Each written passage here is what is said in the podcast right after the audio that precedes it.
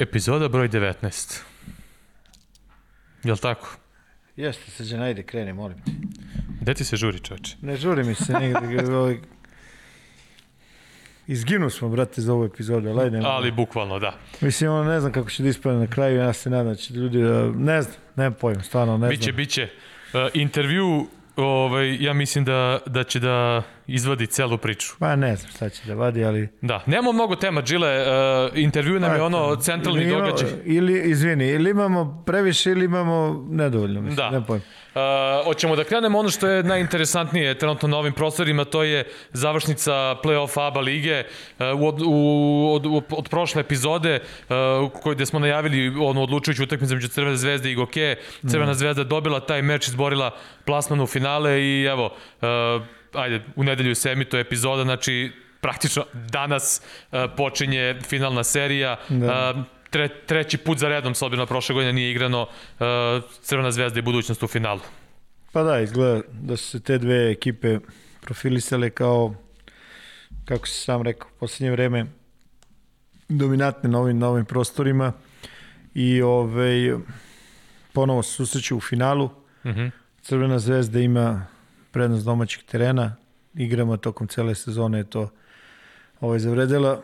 Tokom sezone videli smo da su i neki drugi timovi bili vrlo dobro i visoko ovaj, pozicionirani, ali tako, bila je neka čudna sezona za više timova, ne samo za ove dve koji su našli u finalu, ali ne možemo da kažemo da da su da je tu neko nezasluženo došao do ovde, praktično to su ekipe koje su najviše pružile. Generalno budućnost se plasirala posle ovih pobjeda nad Mornarom, ovaj, koje su na, na kraju završene onako uh, dosta ovaj, ubedljivo. Tokom samih utakmica bilo je perioda odlične igre jednih i drugih, ali eto prosto budućnost je došla do, ovaj, došla do finala.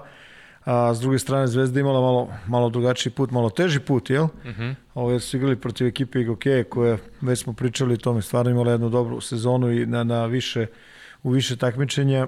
Ovaj, ispostavila se kao vrlo ozbiljan, vrlo ozbiljan protivnik.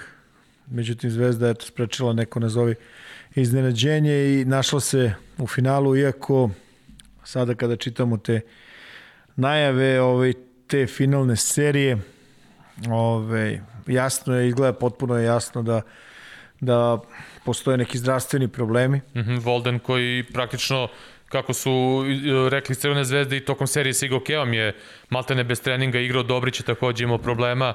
Uh, sada i dalje isto problem sa, sa Voldenom i još od ranije fali Jagodić Kuriđa. Jeste, kao... Kuriđa koji ima tu povredu ovaj, kolena, ne znam u kakvom je stanju, ali ne postoje neke naznake ni da će igrati, niti neke druge, ali ovaj, generalno se vratimo na ono što je možda za, za ovaj, Crvenu zvezdu važnije, to je a, stanje Voldena i kao što si rekao, ovaj, kao što si rekao Dobrić, s druge strane budućnost, koliko znam, mislim da nema, da. da nema nekih ovaj, značajnijih problema ovaj, zdravstvenih i ovaj, to će biti, ja mislim, jedna vrlo neizvesna vrlo jedna neizvesna serija verovatno ovaj, uzbudljiva i, i ovaj, prosto Da li je Gile možda, evo, ti si bio deo one prve serije? Neka si me prekinuo, leti. Izvini, ne. bio si deo te prve, prve serije između Crvene zvezde i budućnosti. Ne, ne uh, misliš ovo ovih poslednjih 3-4 po, da, da, ove tri, tri, pričam ove tri finalne serije. Yes. Uh, da li ti deluje uh, da je ova finalna serija možda nekako kvalitet ta dva tima najujednačeniji? Pa, a, vidi, moramo se vratiti malo unazad, to je upravo ono o čemu pričamo poslije nekoliko minuta, da su oba tima zdrava, uh Mhm. -huh. da su maksimalno, verovatno bismo mogli da, da nešto više pričamo o tome, ove, o nekoj, kako bih rekao, ujednačenijoj kvalitetu između njih dve ovako. Ove, ja mislim da je Volden vrlo, vrlo bitan, da. vrlo bitan igrač za Crvenu zvezdu. Mislim da je i Dobrić vrlo bitan igrač za, za Crvenu zvezdu, ali je nekako uspostavio svoje sezone najzad i ovi, imao je više stabilnih uh, igara nego, nego ranijih sezona i vrlo je važan za, za bio za oba, za oba trenera za oba trenera Crvena zvezda ove sezone. I veća, I veća uloga i na više načina, da kažemo, opasan po koš, nego što to ranije bio slučaj. Ja mislim da je napredio svoju igru da, definitivno. Da, Postavio se kao realan realna, ovaj, realan deo te neke rotacije i, i u Euroligi, naravno u ABA ligi, ono što je vrlo zanimljivo, jel?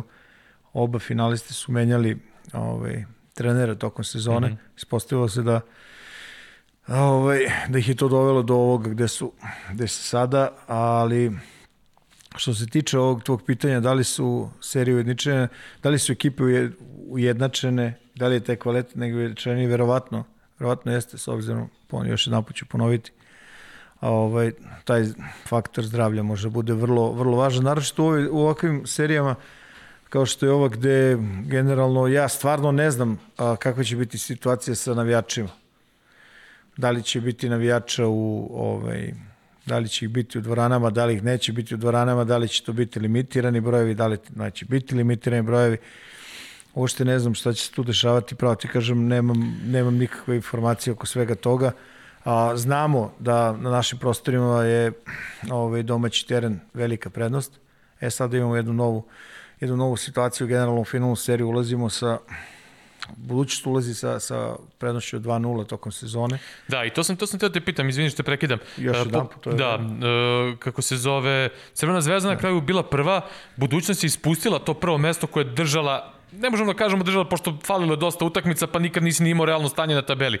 Ali generalno budućnost je e, protiv svih ovih najjačih timova u ABA ligi, znači dva puta su poveli Zvezdu, dva puta su poveli Partizan, znači praktično su izgubili u Ljubljani od CDVita i od Mornara su izgubili u Baru od tih, da kažemo, najjačih e, protivnika. Uh, protiv Crvene zvezde su slavili u Beogradu, onoj neizvesnoj utakmici. Uh, u, uh, u Podgoricu dobili ubedljivo, ali to je bila jedna specifična situacija Crvene zvezde. Da, da. Nekoliko utakmica su imali, bili su onako pod žešćim umorom i budućnost je tu odigrala možda jednu od najboljih utakmica u sezoni. Šta su, šta su ključevi po tebi? E, Melvin Edžam, koga sam ja isticao ono da sam glasao za defanzivca godine, meni on nekako je igrač koji je to jedan od najbitnijih faktora, jer brani više pozicija i na 3 i na 4, pruža neke sjajne partije, A evo videli smo, za Zvezdu su sada recimo veliku razliku napravili Davidovac, Dobrić, uh, Lloyd, znači uh, Edžam negde praktično može da parira Davidovcu na niskom postu može da, da, da čuva s polja neke igrače. Koji su za tebe najbitniji faktori kod jednih i kod drugih? Pa mislim da neće, da se neće svoditi priča na takozvane te a, individualne mečape, ko će koga čuvati direktno i tako dalje. Normalno da ima... Ne, nego pričam ovako o nekim stvarima u smislu da, da neke stvari može da zaustavi koji su jednom timu pravile razliku. Pa, pa vidi, on samim time što može da igra na više pozicija, sigurno da otvara mnogo više mogućnosti ovaj, svoje ekipi u napadu odbrane. S druge strane, vidi, vrlo slična situacija i sa Davidovicem, koji je ove godine igrao bukvalno sve od, od 1 do 4. Da. I to je izneo, pravo da ti kažem, u većini utakmice to je izneo stvarno onako na pravi način. Mm -hmm. I možda je, mislim, nije to nikako iznadženje, viđali smo njega i ranije da igra na, na tom nivou, ali uspostavio se kao, kao vrlo važan ovaj, deo zvezdine igre, naročito u nekim trenucima kada ovaj, neki drugi ovaj, neke druge opcije u napadu postanu malo teže, da kažem. Mm -hmm. Onda on preuzima ovaj, neke stvari u svoje ruke i prosto ovaj, to je dosta puta i dobro ovaj, funkcionisalo. Mislim, i s jedne i s druge strane a, a, imaš delove timova koji dugo vremena igraju zajedno. U budućnosti već imaš jedan deo tima koji dugo igra vremena, znao, dobro se poznaju. Vrlo je dugačka ekipa. Ovaj, naročito ovaj, naročito, naročito ta, ta ovaj, a, centarska linija budućnosti ovaj, koja je onako prosto se produžila sad sa tu nekim a, minutima koje je dobio Mitrović u poslednje vreme, potpunjava od Nikolića, potpuno su dva drugačija tipa igrača. Jedan je onako ovaj, prosto streča prava, mislim non stop pretnja šutu mm -hmm. ovaj Dača, ovaj Nikolić, dok je Luka naročito u ovoj, načinu igre koji ovaj, koji forsira ovaj Milović sa, sa tim nekim sa četvorkom koja je rola i koja je posle te nekih centralnih pike rolova ovaj, uh, Luka ulazi u tu neku playmakersku Da, bukvalno je bio ovaj, sekundarni ulogu. ball handler, Jest. maltene, o, sekundarni kreator, I to dosta je- nekih asistencija onako imao, I to je, to je ove, i u toj ulozi on se dobro, dosta dobro snalazi, stvarno. E sad, ove, tokom sezone viđali smo i odlična izdanja Rida, viđali smo i nešto manje efikasna izdanja Rida, ove, s druge strane u Zvezdi isto to. Viđali smo odlično Kuzmića, viđali smo Kuzmića koji nije na svom nivou, Noko je, trebalo mu je neko vreme da dođe i tako dalje. Ali ono što je vrlo bitno na recimo jedan sličan jedan vrlo sličan način ovaj igre u odbrani na na pick and rollu. Ovaj ni jedan ni drugi tim ne mogu da odgovore sa nekim nekim šutem ovaj s polja sa te neke pozicije 5. Pričali smo već o tome da da je Zvezda odlaskom Bryanta izgubila tog nekog kombo visokog igrača, neko ko može to da igra je bio i Kuriđa i, i povremeno čak i Rit. I ne bi me iznenadilo da u nekim fazama Rit može dobije nešto više prostora na terenu, jednostavno naravno sigurno zavisi od ono što će se dešavati na ovaj tokom samih utakmica. A, s druge strane, e, iz ne znam kog razloga stvarno se ovaj zaboravlja uloga ta dva igrača ovaj a, iz rotacije budućnosti, mislim na Dela Vala i Popovića, I Popovića, koji su da. mnogo puta ove sezone bili taj neki, nazovimo ga, X-faktor. X faktor, da. Posebno čak i ovoj odlučujući utakmici u, u baru. Popović je napravio, recimo, specifična situacija. Na toj utakmici je napravio 3-4 neverovatne greške.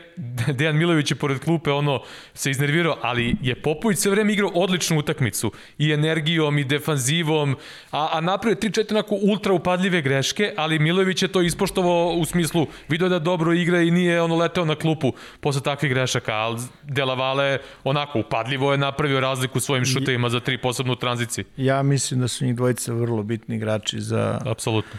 Za, ovaj, za ekipu u budućnosti. Mislim, samim tim što smo svi već nekako naviknuti na nivo na kom igraju Kops i Ivanović, što je neverovatno. Mm -hmm. Tokom cele sezone sa tako malo nekih oscilacija svaka čast.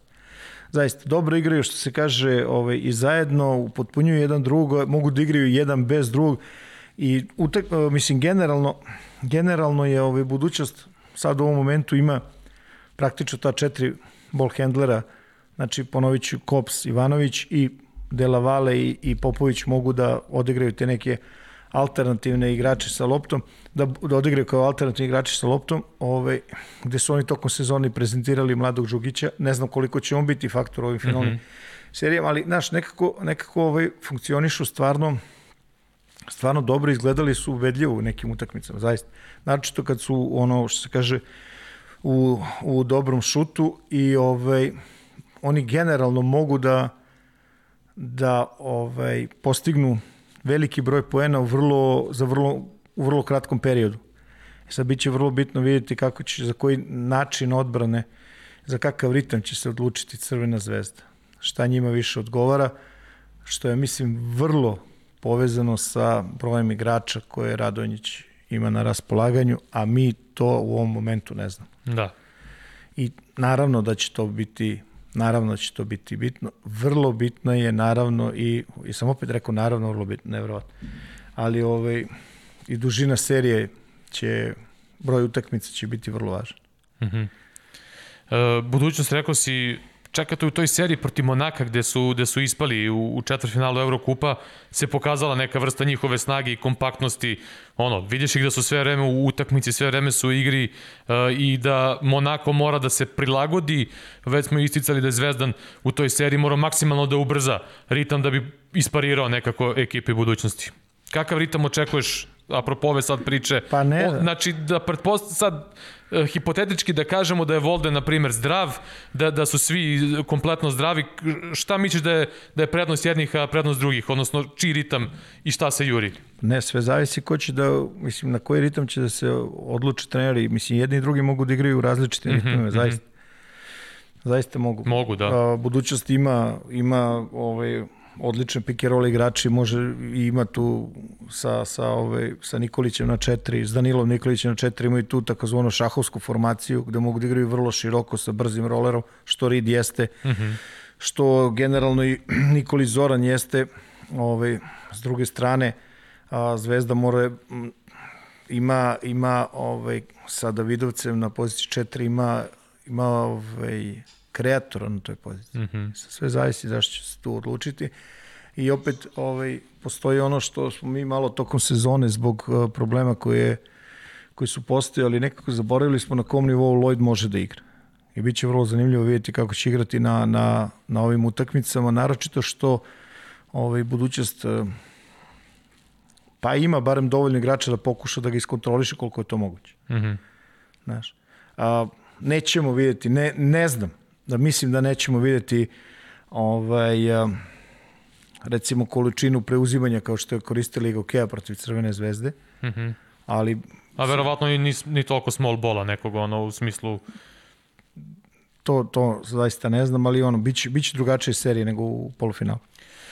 Ja verujem, Đile, da ćemo gledati sjajnu košarku u finalnoj seriji. Pa nema razloga da ne Bukvalno, bude tako. Ne, nema sumnje da ćemo gledati odličnu, odličnu košarku i nadamo se da će, da će tako i biti.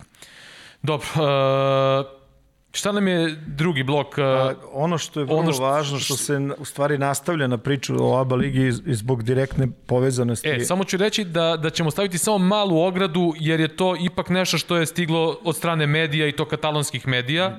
Da. Tako da stavljamo čisto malu ogradu da ne, ne bude ovo, znači nije ovo nešto što je 100% sigurno, ali ja, moramo ja da prokomentarišemo da, tu vest. Ja sam ih hteo da se ogradim, ali ti si mi prekinuo već treći put. Što je u redu? Nema veze. Ne, ne, na mlađima sve to ostaje. Da. Ali ovaj, generalno moglo je ovih, uh, ovih dana su nekako izašle te informacije, kao što si sam rekao, ovaj, za početak uh, izvori su, po znacima navoda, novinski, ono, ovaj, iz medije, o nekakvim planovima Evrolige uh, da se poče od sezone, ko je to, 23, 24, 2023, 24, da Euroliga bude takozvana zatvorena liga.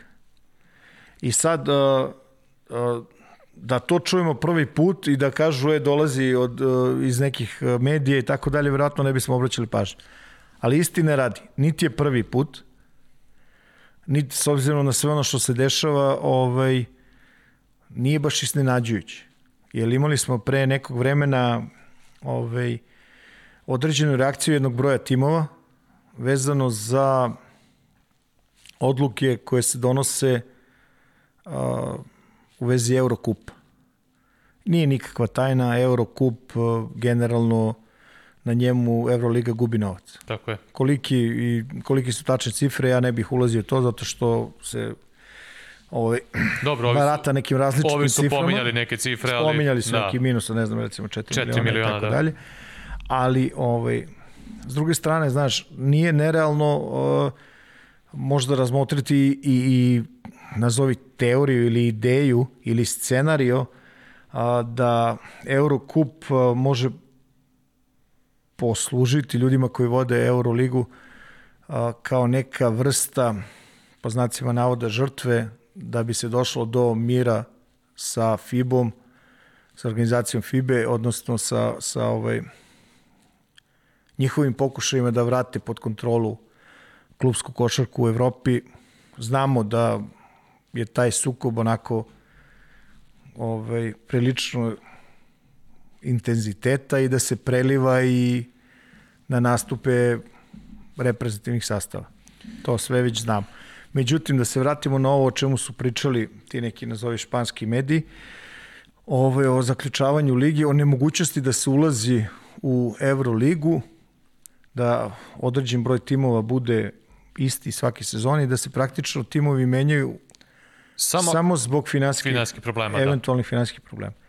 Što nije nerealno i ranije smo čuli to da će, da će ovaj, takozvane ovaj, minimalni budžeti, odnosno minimalno logističke neke potrebe, pre svega dvorane i ovaj, neki uslovi za rad i uslovi za rad eh, samih klubova da će morati da se diže na, na sledeći nivo. Uh, moram da priznam da, da mi to ne zvuči potpuno nerealno. Da. Mene jedno e, čudi... šta to znači za košarku na Balkanu, da ne kažem našim prostorima ili za ABA ligu, znamo svi. Boj, bojimo se. Pa mislim, generalno To je potpuno jasno. Meni je malo čudno sad da napravila je Euroliga tu neku reformu Evrokupa, novi sistem od naredne sezone, pružena mogućnost timovima da, da više, kroz više utakmica u grupi na domaćem terenu zarade veći novac od ulaznica, TV prava i čuda. I sad opet ta priča gde praktično ako dođe do toga vrlo brzo se Evrokup praktično ukida. Pa znam, po, po toj priči ako, ako ali Srđo, vidi, ovaj, možda s vremena na vreme treba pitati i da kažem tako da ih nazovem izvođače radova, a to su treneri i igrači i odnosno ljudi koji plaćaju ovaj, predsednici klubova ili sponzori ili šta već, možda treba njih pitati o, o tome šta je najbolja mera za ovaj broj utakmica tokom sezone. Znaš, najlakše reći je da igramo što veći broj utakmica. Ne, ja sam, apsolu, da, ja sam apsolutno protivnik što većeg broja Ajmo da skratimo period e, priprema, ajmo da skratimo period e, period odmora, ajmo da, ajmo da ne znam, da se ovaj, da ostanovi prozori za reprezentacije i tako dalje, tako dalje. Znaš, a, s, nekako svako vuče na svoju stranu, znaš, i, ali mislim da će vrlo brzo, vrlo brzo će morati se postigne nekakav vid ovaj, dogovora vezano za, za ta opterećenja ovaj, tokom sezone. Znaš, jel da, mi smo svedoci na nivou Lige ti imaš uh, jedno uh, solidno, moćno udruženje igrača. Mm -hmm. Koje postaje sve jače i jače. Jest, čak imamo o, na, na primjeru Crvene zvezde vidjet ćemo št, kako će završiti ova priča o, o sporu između kluba i bivšeg trenera Obradovića. Mm -hmm. Pošto je naravno i to ovaj, išlo preko, ja sad ne znam puno detalja, ali ono što sam pročitao išlo je kao preko nekog evroligaškog... Uh, da, Evroliga planira da napravi neki pandan batu, koliko sam ja shvatio. Jest. Da. E sad, da li će to biti prvi slučaj, tu neće biti, ja to stvarno ne znam, ali sigurno da treba to, treba i to ispratiti. Ali na kraju krajeva, Znaš, možda može da se izvuče i paralela sa pokušajem formiranja ove, kako Super se zove, Super Sad sam teo te pitam, ko, ko će da spašava košarku? Engleski navijači su spašavali futbal, protestovali, ko će spašava košarku? Vidi, ovi nazovi veliki, oni hoće da igraju što veći broj utakmice sa što boljim protivnicima. Ja taj deo razumem. Ok, ali, znaš, mislim da treba da vode, da je deo njihove odgovornosti ovaj, prema, prema košarkaškoj javnosti i to da vode račune i o manjima, po znacima navoda. Da. Ne znam. A naročito mislim da su vrlo, vrlo važni takozvani nacionalni programi. Apsolutno. Znači igre reprezentacije. Apsolutno. Eto Remesina je tokom sezone isticao, a to je nešto što ja isto ono, pričali smo i ti, ja mislim. Pa mi smo pričali o tom play-offu meni, meni, meni deluje, meni deluje, Gile, konkretno mislim za ovo za prozore, uh mhm. -huh. meni deluje da, da to rešenje uopšte nije tako nerealno ili daleko, samo kad bi se ono, kad bi imali, da kažemo, jedan normalan sastanak. I Mesina je to po, e, pominjao, da se u tim nekim određenim trenucima kada su uh, prozori, ili da se napravi pauza, ili da se pomere utakmice na 2-3 dana, da se da neka mogućnost da, da igrač učestvuje i u jednom i u drugom takmičenju. E sad, to je verovatno sve stvar kompromisa i ko ima dobru volju da da popuste jedni na jednoj strani, drugi na drugoj strani. Mislim, da. nije toliko daleko rešenje po nekom mišljenju što se tiče čisto ovako sportskog dela. Ja sad ne zalazim u, u pa ovu ima... ekonomiju za koju nisam baš stručan. Da. Ove, ovaj, pa imao je Mesina i meni se recimo svideo taj njegov predlog. Mislim da smo mi možda i pričali o tome, da se proširi, da se poveća broj takozvanih učesnika play-offa Euroligi. Znači da se prvih 12 timova nekako zainteresuju da igraju što duže, ali pazi, Liga je dugačka, koliko ima, 18 klubova, 34 kola. Da, e, izvini, izvini, samo sad sam, znaš, to sam sebi sačuvao dok smo pauzili, Oded Kataš je rekao, Ajde. Oded Kataš je rekao za FIBA prozore i Euroligu, kaže, kao nije velika stvar ako ne igramo uh, petkom dve nedelje tokom sezone da, da petkom ne odigramo utakmicu. Znači, to je ovo što sam malo pre rekao, nego ja rekao greško Mesina, a Oded Kataš je, je to rekao, ovaj, da se eventualno dva puta nedelj, dva, dva petka u sezoni recimo preskoče se ne igra Euroliga i da se da se uklopi ovaj sve to. On je trener selektor Izrela, da. selektor da. Izrela. Da, i trener Panathinaikosa. Ovaj šta sam hteo, šta sam hteo da ti kažem. A, recimo taj predlog Mesine sa brojem e, timova u plej-ofu. Uh -huh. a, da bi se što veći broj timova uključio da ono što se kaže tokom cele sezone a, da tokom cele sezone igraju na svom maksimalnom takmičarskom, što je vrlo bitno. Jel? Svedoci smo da se ponekad neki timovi predaju prerano, što se kaže. Počnu da vode računa o, o nekim drugim takmičima i to uvek smeta. Mislim, to bode oči. Ali vidjet ćemo, mislim, on sam čovjek je rekao da je to predlog, nije nikakav, ovaj, mislim da je nekakva ideja, ali nikakav, nikakvo insistiranje ovaj, i tako dalje i tako dalje. O, pred nama je i ovaj Final Four. O, ove godine definitivno bez, bez posetilaca. A, vidjet ćemo kako će to izgledati, ali s jedne strane ovaj, možda smo prerano zaboravili da je prošle godine takmičenje prekinuto. Da. I da je sve bolje od... Sve bolje od toga, da. Jeste, sve bolje od toga. A, ne bismo se vraćali to, mislim da smo već pričali o tome da li su zašli na ova četiri tima na, na Final Fouru. Ovaj, bile su vrlo zanimljive. Pa ja mislim sve ove playoff serije, o njima smo već pričali prošle epizodi, tako da se na to ne bi vraćao. A ovaj, već, ja mislim, sledećeg vikenda ćemo da uradimo tu neku najavu, pa onako. Biće jedan uh, Final Four specijal pa vidjet ćemo u kako će to, bloka bloka. vidjet ćemo ovaj, kako će to da, da ispane. Da. da.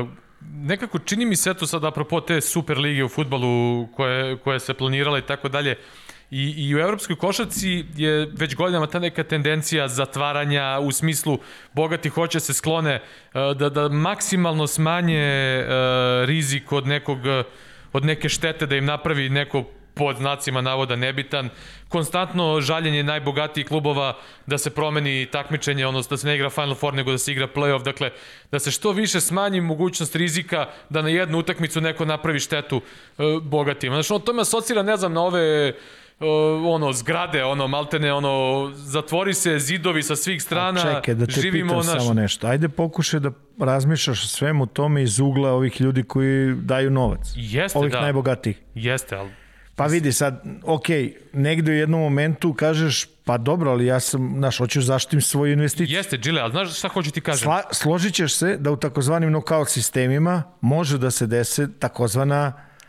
iznenađenja, odnosno da playoff serije praktično podrazumevaju to da kvalitetniji timovi kroz serije dođu do pobeda. Da. Znači, smanjuje se mogućnost e, iznenađenja. Iznenađenja, jeste. Pa, I što opet meni nije, mislim, ne meni, nije negde pravedno, jer najbogatiji klubovi prvo imaju najveće budžete, imaju najveće rostere, imaju mogućnost da dovode mlade igrače, imaju mogućnost da dovode iz NBA-a, pa onda daj smanjimo sve, ono da ne može ništa da se, da, da bilo ko proba da uradi protiv njih. Mislim, to je nešto što, ono, ne znam, ako si najbolji daj pobedijek, nek se igra na jednu utakmicu, ja znam da se štiti sve to je. Sad, to bi možda negde imalo neko utemeljenje uh, da je da to donosi neku veću zaradu nego što bio slučaj ranije onim sistemima uh, 80-ih i 90-ih. Da donosi veću posetu u halama, uh, da donosi, ne znam nija šta, po mom mišljenju, ne znam, Jel, jel 80-ih, 90-ih su hale bile krcati i uvek se tražila karta više? A dobro, postoje, vidi se, postoje i danas sredine postoje. Dok, dok je sve ovo bilo kako treba, ovaj, dok se živjelo po znacima navoda normalno, ajde ne kažem pre o COVID uh, pandemije i tako dalje, ovaj, svedoci smo da je bilo mnogo, mnogo ovih dvorana koje su bile krcate. Jeste. Nije baš da... Nar ne, ne, naravno. Ali vidi, ne možeš na silu, ne možeš na silu da izjednačiš ovaj, finansijsku moć različitih timova u Evropi u različitim državama. Niti treba, niti pa da, treba. Ali kakve tačno ima šanse tim sa Balkana? Da li će se on zvati Zvezda, da li će se zvati a, budućnost, da li će zvati Partizan, CDVita, mora, ošte nije bitno. Kako možeš finansijski da pariraš i da se takmičiš po znacima navoda ravnopravno sa ekipama koje raspolažu novcem kao što su, ne znam, Real ili... Da, meni je u stvari tu više pitanje uh, ili Barcelona takmičenja u kontinuitetu sa takvim timovima. To mi je više neko pitanje nego u jednoj sezoni i možeš, ali u kontinuitetu je pitanje da, da li možeš da, da konstantno pariraš. Mislim, ono što je meni bitno iz ovog ugla što sam malo čas pomenuo, je bitna mi je recimo stabilnost, znači da ti ne dovedeš klubove da jedne sezone ono, nemaju za leba, da druge sezone, pričamo o ovim slabim klubovima, a da jedne sezone kao sastave tim. To je možda nešto o čemu treba da, gde razumem te najbogatije, da tako kažem. Sad, nemam pojma. Mislim, pitanja je tu mnogo, košarka je otišla u nekom potpuno drugom smeru, a eto, svi to stalno ističu kao nije profitabilan sport, ovaj, Nemam pojma. Mislim da nas čekaju čudni i teški dani po tom pitanju. Izgleda da je do, došlo ovaj, u ovim sad nekim danima do, do, do mnogo nekih previranja, razmišljanja i da će, da će se svašta dešavati u nekom narodnom periodu, generalno kada je sport u pitanju, ne samo košarka. Pa dobro, i to je sve, kako bih ti rekao. Mislim, vidimo da je, Očekivano i to vidimo je da i NBA sad koristi savršeno ovu priliku ovaj, u kojoj nas je dovela pandemija da istestira sve ove stvari oko play-ina koji smo pominjali prošle nedelje, da probaju nešto. Godinama se negde šuškalo, pričalo, hoće da promene sistem play-offa, pa da li će da bude ono da se ugase ono istok i zapad, nego da se spaju ono prvi 16 i tako dalje i tako dalje. Ovaj, I evo i sad je neka savršena prilika da se nešto novo pokrene, što bi možda pokrenulo neke, da, neke dalje promene. Pa da, ne znamo o tome ništa dok se to sve ne odigre. Ja onako što se kaže unapred nešto nisam neki veliki... Pa nisam Nemam ja, mislim... neka velika očekivanja, ne znam ni da li je to pravo rešenje. Čitali smo ovaj reakcije nekih nekih eh, igrača, vlasnika klubova, trenera, Pa evo, ajde, ajde. Različite su generalno, naravno svako gleda svoj ugao, razumiješ. Ti, Roko, pratite NFL. Jel možete da uporedite sa tim wild cardovima i to? Ja ne pratim tako ono, ono kao vi, pa ne mogu nešto mnogo da analiziram. Jel ima to nekog smisla? Meni to deluje, uh, ok, kao pokušavaš da bude to kao kompetitivno, da, da ne znam, da se timovi bore za nešto do samog kraja, ali meni to opet negde daje šansu nekom timu koji, ne znam, imao slabije rezultate i nagrađuješ ga što je imao slabije rezultate, daješ mu šansu da skine velikana. Meni se ovo suprotno od onoga u Euroligi, odnosno u Evropi, što se radi. Ovaj, ajmo daj počasti ove koji su zaslužili tokom cele sezone. Isto kao što je bilo za hack the shack pravilo. Znaš ono, kao neko ne može da pogodi slobodno bacanje i ti ga častiš zato što on, što on ovaj, ne može da pogodi slobodno bacanje, menjaš pravilo da njemu olakšaš. Pa čekaj, idi u, u navežbaj slobodna bacanja. Nemoj šutiraš 40%, šutiš 60 i niko te neće hekovati. Je li tako? Da. Bilo sa DeAndre Jordanom, on dobije neki onaj ugovor i sad ne može da ga drži na terenu trener da što ga hekuju, znaš. I sad kao promenimo pravila je. Mislim, meni, meni to ono, častiš nekoga ko, ko ima neke probleme. Ajde, časti Dobro, ove... ovde je, Srđo, ali ovde je vrlo jasna ideja. Hoćemo da uvedemo da 20 timova, što ve- duži deo sezone, bude po znacima navoda u igri. Slaž? Pa dobro, da. Ali, To je, to je neka ideja, tako nešto. mislim, sigurno tu kapiram. ima negde i da pokušavaju da, da, da smanje tankovanje i, ne znam, load management. Sigurno da ima i to. Ima i toga u nekoj pozadini, pretpostavljam, ali ne znam, ono, volio bi da, da, da više, da neku veću korist imaju timovi timovi, ajde kažemo sad da ne idemo na one koji su lideri, ali da kažemo timovi poput Majamija, San Antonija, koji čak i kad su u nekoj fazi rebuildinga ili nekog, do, do, to nisu timovi koji tankuju, nego koji konstantno igraju. Ajmo takve timove da nagradimo nekim sistemom uh, takmiča. Evo, San Antoniju će sad to prijati ove godine, što što se igra play-in. Pa dobro, ali vidi, da, da, ako kreneš u tu priču, onda će krenuti priča o timovima sa malih tržišta, timovima velikih tržišta, o tome da li se neko favorizuje, da li se neko favorizuje, ne favorizuje, koga najradije gledaš na televiziji, u kojim terminima i tako da to povlači mnogo toga. Zato najbolje da ostane 8, 8 s jedne strane, 8 s druge strane i, Da. i teraj kako smo navikli. Pa ne znam da li je to najbolje vidjeti, mislim, mislim da je malo rano da, da, ovaj, da, da pričamo o tome svemu, mislim, ono, mi smo i pred ovu emisiju nešto smo gledali ovaj, danas kad mi ovo snimamo, mislim da ni jedan par, je li tako? Ni jedan par još uvijek nije ono... Zakucan, da. da se zna definitivno šta i kako ono sada sa punom sigurnošću, tako da možda ćemo ovaj, u nekim od sledećih epizoda pričati ovaj, nešto, nešto malo više i, i o NBA, a naročito posle ovaj, završetka ABA lige, odnosno Final Four, evo. Final Fora Euroligi. Da. E, jel nam nešto još ostalo od blokova pre nego što pređemo na ono što je centralni deo današnje epizode? Jel, Pa ima, dobro, nešto, jel ima cen- nešto na papiru zapisano? Pa ima ovde nešto, ali to ću morati s tobom posle da porazgovaram. Ovaj, ali dobro, ovaj, generalno poslednji deo ove današnje epizode ovaj, je intervju sa Filipom Petrušem, Da. sa igračem koji je ove godine osvojio ovaj, nekoliko titula, Individualni, da. ovaj, individualnih titula u, u ovaj ABA takmičenju. On je proglašen, pod, pomozi mi, za MVP-a sezone, Rising Star, za Rising Stara i jel bio i treći, jel, jel, jel nije strelac ili... ja ne znam uopšte Ne. šta. Ja, Da. ja ne mogu da s tobom da radim. Ti više. voliš te statistike, ti to... Ne, evo, ne volim, ali ponovit ću još jedan put nisi glasao za njega za MVP. Pa nisam, ja sam I mali ti, kad smo snimali to, to smo snimali pre... kad smo snimali pre dva dana i ovaj momak ti je sve rekao što ima. Ti kaže, ne znam da li će to ostati u epizodi ili ćemo to da skratimo. Ali ovaj, da kažemo nekoliko re, re, reči o njemu, znaš, ovaj, i to smo malo, toko videći ljudi tokom tog, ovaj, tokom tog našeg uh, razgovora, onako stvarno, stvarno je u jednoj sezoni ovaj, nije, nije često da, da igrač uh, na taj način ovaj, uspe da uh, promeni jedan deo svojih navika.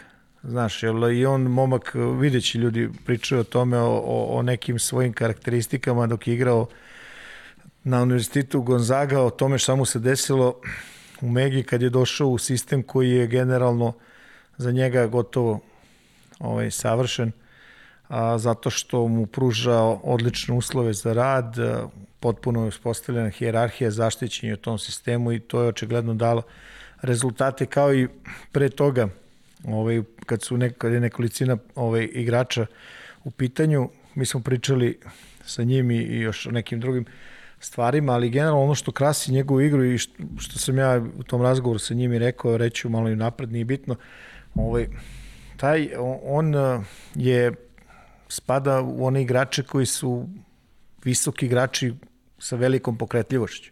Znači, on se kreće stalno, ali taj, njegova sposobnost da, da prilagodi ovaj, brzinu kretanja, kretanja onome što se dešava na terenu je izvan reda za njegove godine. Mm -hmm. Znači ta kontrola pod kojom igra i ta smirenost, ovaj, to je meni onako, pravo ti kažem, fascinantno. Do, dosta o internacionalnog uh, začina, da tako kažem, i ove godine. Uh, Petrušev, uh, Alperen Šengun igra nestvarno... Šengun igra fenomenalno. Znači, bukvalno ja sam ga od početka sezone najavljivao u tom nekom sistemu Bešiktaša koji je podmladio ove godine, pa su kasnije... Vidi, nenadano dobro. Fenomenalno igra i, da. i što je još, čud, ne čudnije, nego što je još onako kako da kažem, luđe od svega, što on ima toliko prostora još da nadogradi, a sigurno će on, kao Petrušev, nadograditi šut za tri pojena, jer on šutira u nekom sistemu igre, ne, ne koriste ga toliko, ali on ima i šut za tri pojena koji može još da popravi. Pa vidi, Tako da... Srđo, nije realno da, da igrači takvog tipa, kao igrači što je Filip Petrušev, odnosno Šengol Mali, da tokom jedne sezone nadoknade a, taj, nazovi, nedostatak broja pokušaja, odnosno kreiranje potpune navike igre licem kako koš. Mm -hmm.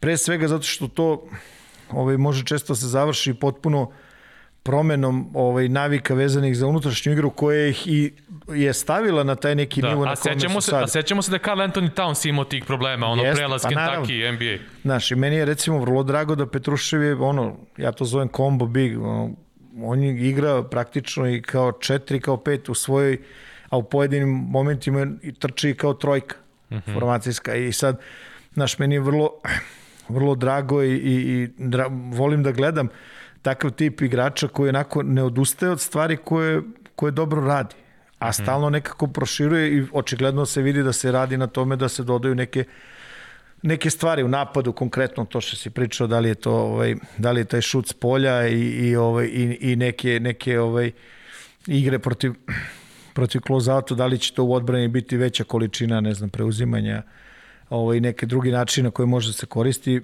mislim to su sve kažem ti ovaj situacije i, i ponekad mi onako želimo da se to sve sve prebrzo desi mm -hmm. a nije realno Nije Mislim, realno, potrebno da. je vreme zaista je potrebno vreme Znaš, ali ono, ja kapiram i drago mi je što smo uspeli, što je on prihvatio da razgovara za, za naš podcast, pravo ti kažem, mislim da će ljudima biti interesantno da, da to pogledaju. Dodat ću još samo na ovo kada je ovaj in, international flavor u pitanju ovaj, ovog Josha Gidija, pomenuli smo ga samo, ja mislim u prošloj epizodi, Australijanca koji igra fenomenalno za ekipu uh, Adelaide, ono, ja mislim da ima tri triple-double na posljednje četiri utakmice, mi to prenosimo, te, tu australijsku NBL, Uh, taj momak Ti će... si ekspert za tu ligu, zašto da, voliš da, da ustaješ vrlo Tako rano evo, evo su podočnici od jutros. Pa ja ne znam. Ovaj, uh,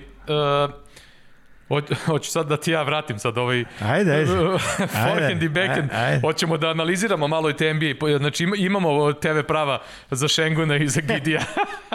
Pa nađi nekog da seče, ja, nađi nekog da ti seče, ja nešto ne mogu Ovaj, se tim. Josh O- Gideon- Ostav se tog Josh Gideon onako neko, neko ko ono sa 1,96 a sa nekom kreacijom i ono čitanjem igre kao Miloš Teodosić, neko ko treba da popravi šut za 3 poena i mnogi ga smatruju da može vrlo visoko da bude na narednom draftu, ovaj, tako da eto da nas pomenemo i njega kao, kao neko ko uz Petruševa i, i Šenguna ovaj, od internacionalaca može da na ovom narednom draftu onako bude Pa visoko dobro, mi ćemo pokušati ove godine nekako skrenemo pažnju na neki od tih, na neke od tih mladih igrača koji možda mogu da, da završe na nekim značajnim pozicijama na na ovaj predstojećem na predstojećem draftu. uh, generalno i, i prošle godine mislim da su igrači koje smo predstavili da je to onako bilo dosta ovaj da je dosta zanimljivo da ne kažem nije baš bilo neko gubljenje ovaj gubljenje mm -hmm. vremena ali ovaj znaš kako e,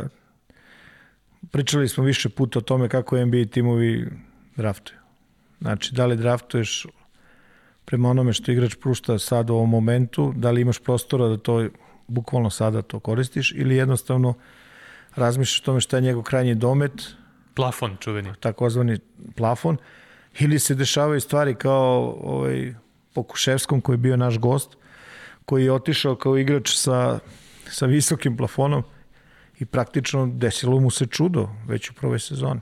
Da. Znaš, jel ono,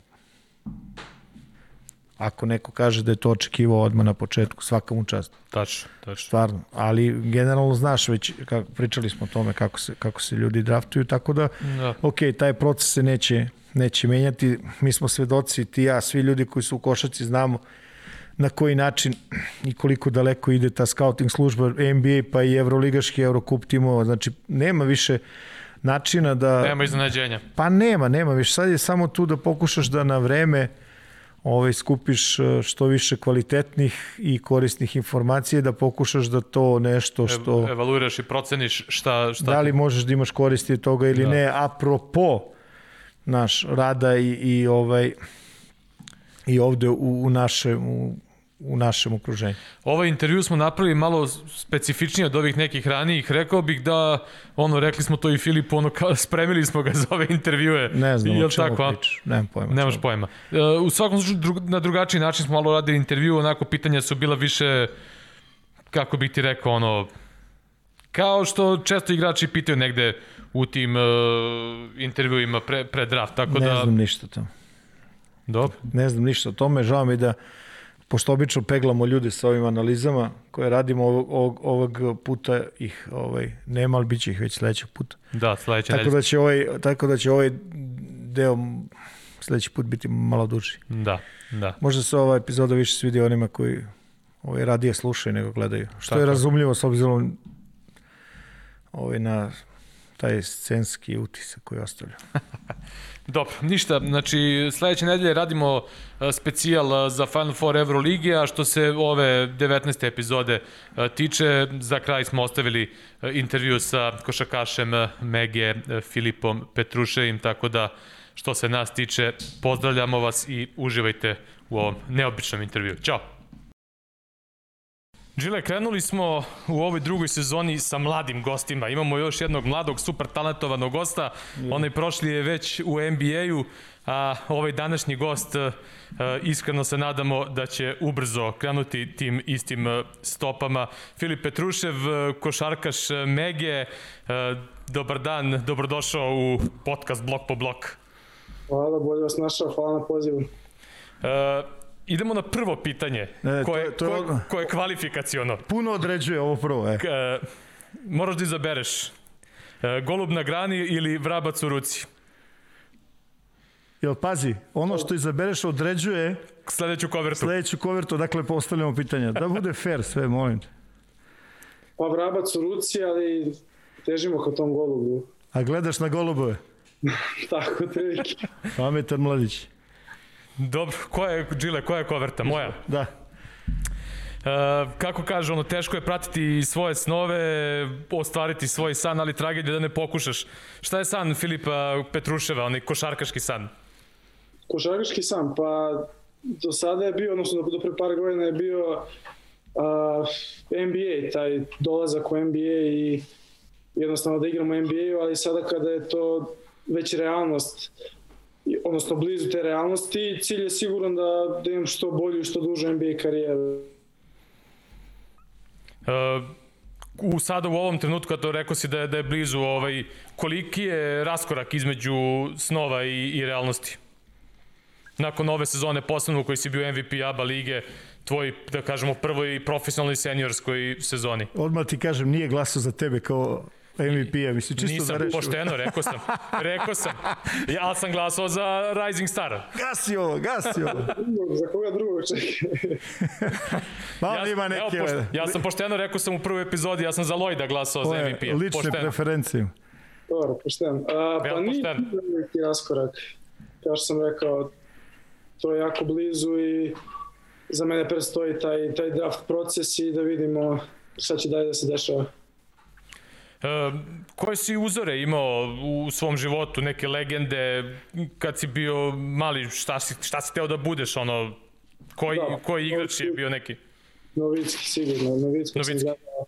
Da, većina NBA utakmica koje sam gledao bili su ili Kobe ili Novicki, odnosno ili Lakers ili Dallas, ali nekako ono, znajući da ću biti visok i uvek sam bio najviši, nekako sam se ugledao na Dirka uvek.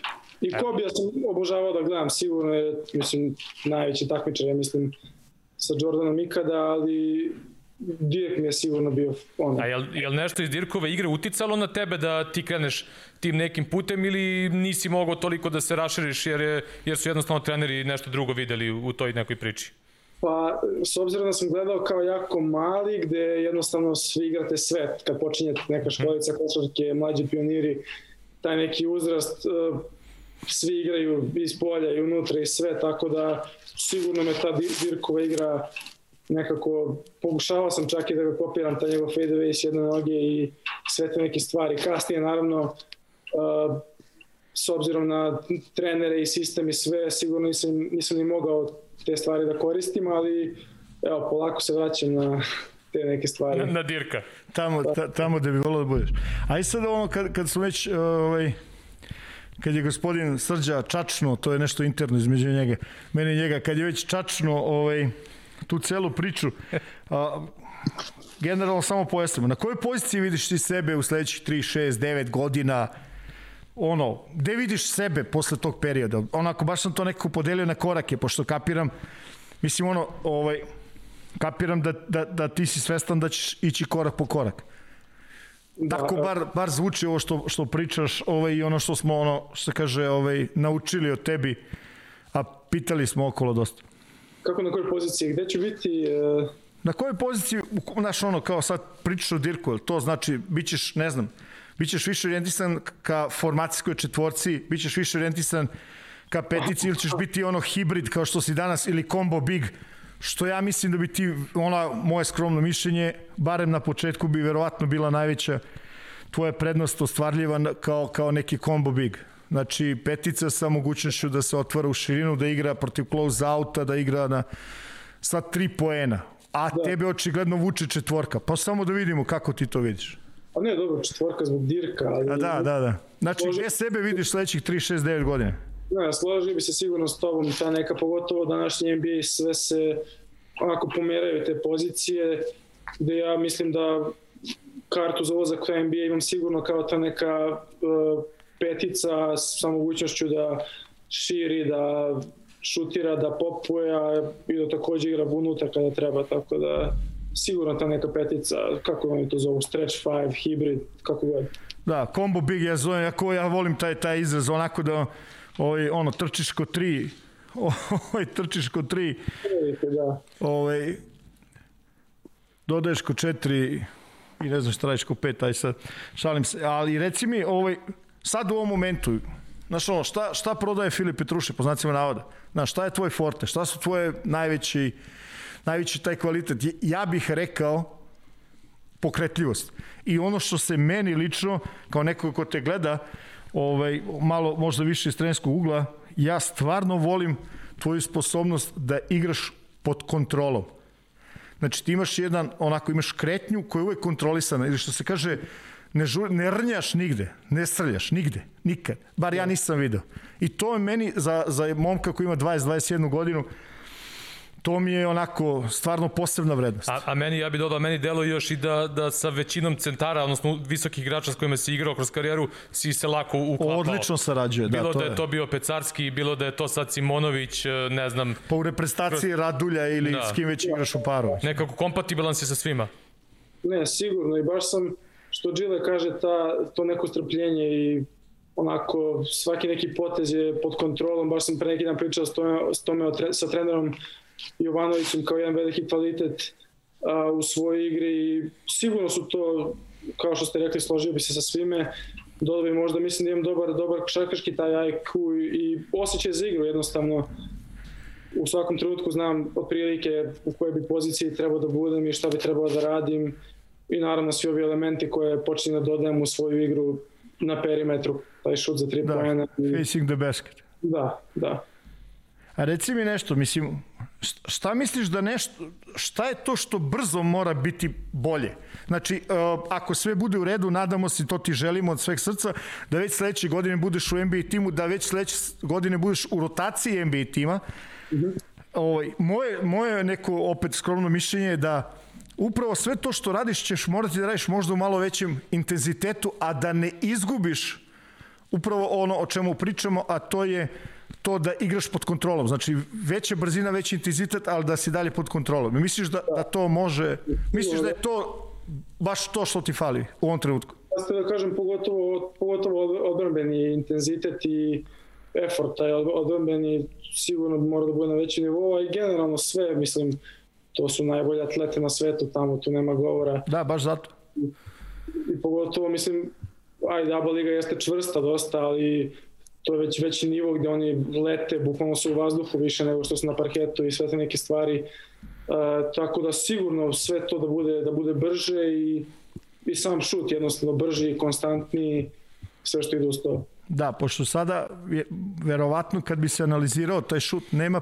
previše zamerki onih opštih, ali je možda naš ovaj ponekad izgleda kao da ti nedostaje navika da šutiraš navika da šutiraš polja. Ono što se kaže, vi se e, samim tim što je što je sigurno jedan od benefita ove sezone u kojoj si bio i, i ta sloboda koju ti je, koju ti je, koja ti je data. A reci mi nešto, ovako, ovaj, kakvu košarku najviše ti voliš da igraš? Kad bi mogao da odabereš? U, u smislu ono, kao, šta ti najviše odgovara? Kakav tip košarke? kontrolisana, ono, up tempo čisti, puno izolacija, da li tu rolla, kontra, nemam pojma, ono, Gde vidiš ti sebe da. kad bi mogao da biraš? Pa neka sredina od prilike.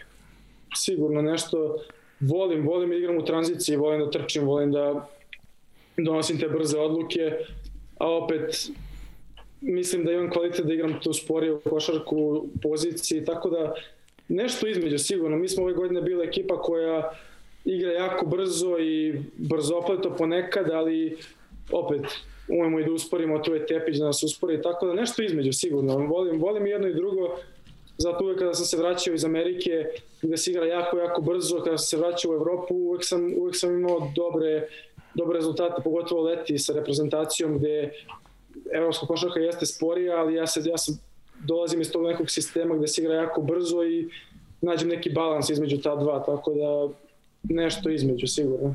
Da, da, da, da, definitivno. Onda, znaš, ono, kapiraš, treba će ti puno sreće, ono, na draftu, ono, daj Bože, ono. znaš da puno zavisi od toga, ono, ko ti digne, zašto i kako. Mislim, to ti je potpuno jasno, više onako komentarišemo, tako.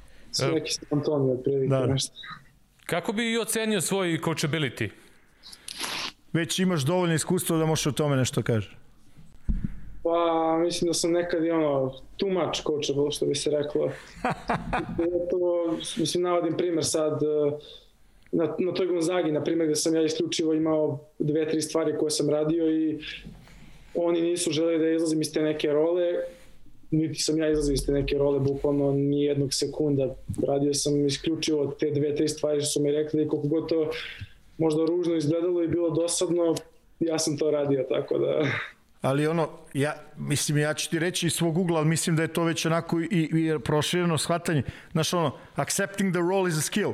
Znači da prihvatiš to što se traži je sigurno kvalitet. Tako da si ono što se kaže i tu u plusu. Da, ne, sigurno, čak, čak što više ono, ne računajući godinu u Megi i ne računajući tu neku divlju košarku koju sam igrao u srednjoj školi u Americi, jako malo je bilo, bilo tu nekog istupanja iz sistema i neke, neke ono, divlje igre, što bi se reklo. E, šta ti kao igrač očekuješ e, od, od trenera koji rade sa tobom? Kakva su tvoje očekivanja od njih? Da, pa da me sigurno da, da izlače, ne znam, maksimum iz mene da, da jednostavno da me ispravljaju jednostavno, da, da non stop da mi govore šta nije u redu, šta treba da se popravi i da nekako ne volim one trenere koji su samo tu, ćute, prolaziš kroz neka ponavljanja, radiš očekuju, sve. Očekuju, da. znaš. Ne daju ti neki feedback, tako da... A, ka, kao pripadnik mlađe garde, jel voliš više trenere demokrate ili ove trenere diktatore? Ja. Ili, ili ovaj, kako se zove, ili ti je to potpuno nebitno? Ja da se unapred ogradim, ovo, ovo nije pripremljeno pitanje. Ponovi, srđan, izvini. Da li više voliš ono, jel se čujemo, sad nešto je prekinulo? Sačekaj samo malo da se uspostavi vez. E, se, ponovimo se sad čujemo. Sad se čujemo, možda ponoviš meni. E, sećam se to jednog time-outa koji je i nekog intervjua koji je George Carl još kao trener e, ovog e, Seattle Supersonicsa rekao kao ja sam trener demokrata, kao nisam trener diktator. Da, ka, kakve ti trenere više voliš od, od te dve, iz te dve kategorije? Ponavljamo, građujem se od ovog pitanja, ovo nije bilo planirano. A, pa mislim da sam imao jedni i drugi ali... Mislim, to je pitanje pre svega da što dolaziš iz te mlađe garde igrača, danas su se promenile priče kao da. i menjaju se i treneri po tom pitanju i tako dalje i tako dalje. Da li ti imaš taj problem s obzirom da si rekao da si čak i previše coachable, ono? Da, pa ja mislim sigurno da nemam problem, ali sa šta je najbolje, mislim da pogotovo za ovu noviju generaciju, mislim da je sigurno nešto između opet. Zato što ako ti da previše slobode, mislim šta ti znaš, šta je dovoljno, šta nije, uh mhm. -huh šta šta treba, a opet ako trener neće da čuje ne znam, možda tvoju stranu ili tako nešto, opet to je u današnje vreme Nije, da, nije, ne. nije poželjno uopšte, tako da... E, a dao si im dobar šlagvor to za naredno pitanje. E, kako, e, koliko slobode ti sebi daješ u odnosu na te zadatke koje ti trener postavi? Ka, kako neku tu granicu ti nalaziš sad u, sa, sa ovim godinama, da tako kažem? Pošto si u matori imaš 21 od pre neki dan. Da, to je Gro, to je, pazi, to je velika količina godina. uh, pa sigurno da sad opet zavisi od sistema, ali trener ti obično da neke smernice, da ti okvirno gde treba da bude, šta treba da radiš, ostalo je na tebi. Ja mislim da, da ti iz tog nekog prostora koji ti je dat, ti skreiraš i, i ne znam, pokažeš taj svoj skill i taj svoj kvalitet. Da.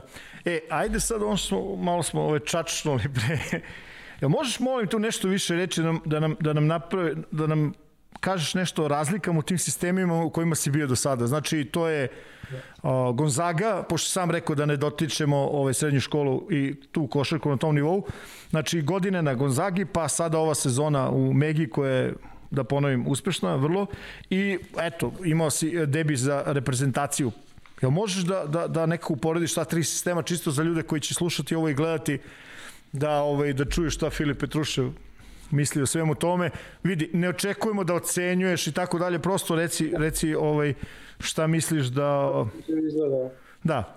Pa da, po, počeo bi s košarkom sigurno, pošto je to našim ljudima stranije dosta i uh, mislim to je jednostavno sistem koji ta prva divizija ima 360, 350 nešto škola i ista pravila važe za sve škole. Vi jednostavno uh, imate taj kratak period gde su utakmice u ta 3-4 meseca i to se igra dve, tri utakmice nedeljno, uh, gde vi imate pravo da trenirate, onako trenirate kao što bi mi ove trenirali, znači to je tih nekih 20 sati nedeljno kako oni kažu, tih mesec dana pre prve utakmice. Da, da. I to je to, to je vaš, to, to je vaš pripremni period, to je tada, tada trenirate. Vi pre toga imate 8 sati nedeljno ukupno od tog septembra do znači mesec, mesec i po dana vi trenirate bukvalno tri teretane i tri treninga po sat vremena nedeljno, što je za naše uslove vjerojatno ništa. Da, za ono na što smo mi navikli. Pa, Naročito u tim godinama. blizu, da, da, da. I gde vi morate dosta sami da, da dolazite, da, da cimate trenera da biste radili, ne znam, individualno i tako to. Znači, dosta onako drugačije nego ovde kod nas. I onda kad počnu te utakmice, mislim, tu više i nema treninga, to je walk through neki... Priprema za sledeći da, protivnik. Da, bukvalno kao Profi, to je profi nivo. To je profi nivo, znaš, zato što ljudi... Da, da izvini, samo, samo ću da se nadožem na tebe. Znaš, postoji neka ovaj, romantizirana varijanta NCAA košarke kod nas. Znaš, kako je to ovaj, drugačije uh, nego ostali nivoi, a generalno, kao što si sam rekao, to je profi nivo. Recimo, meni je uvek bilo uh, zanimljivo da ljudi ne shvataju na kom, na kom su nivou uh, na kom je nivou ta logistička podrška NCAA i dobrih programa? Znači, pričamo o uslovima treninga, uslovima za vas sportiste, ne samo u košarci, nego generalno u sportu.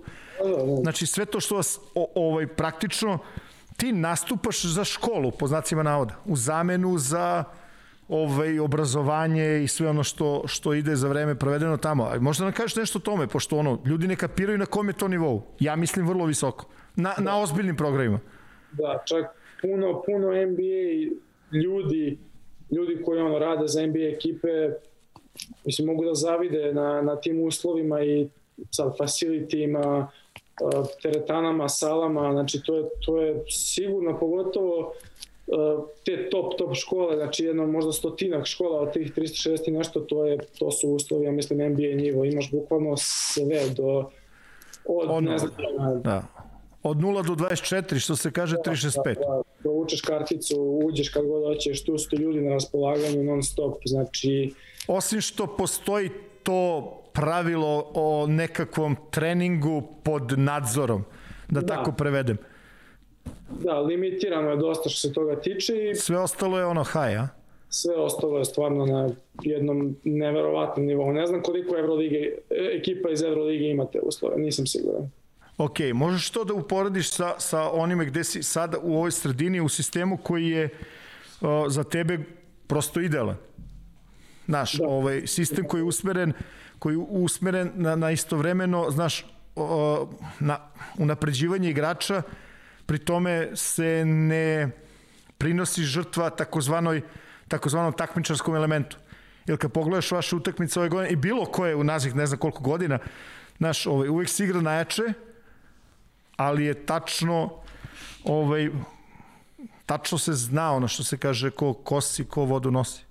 Sigurno, sigurno. Znači, to mislim da tebi odgovara u momentu.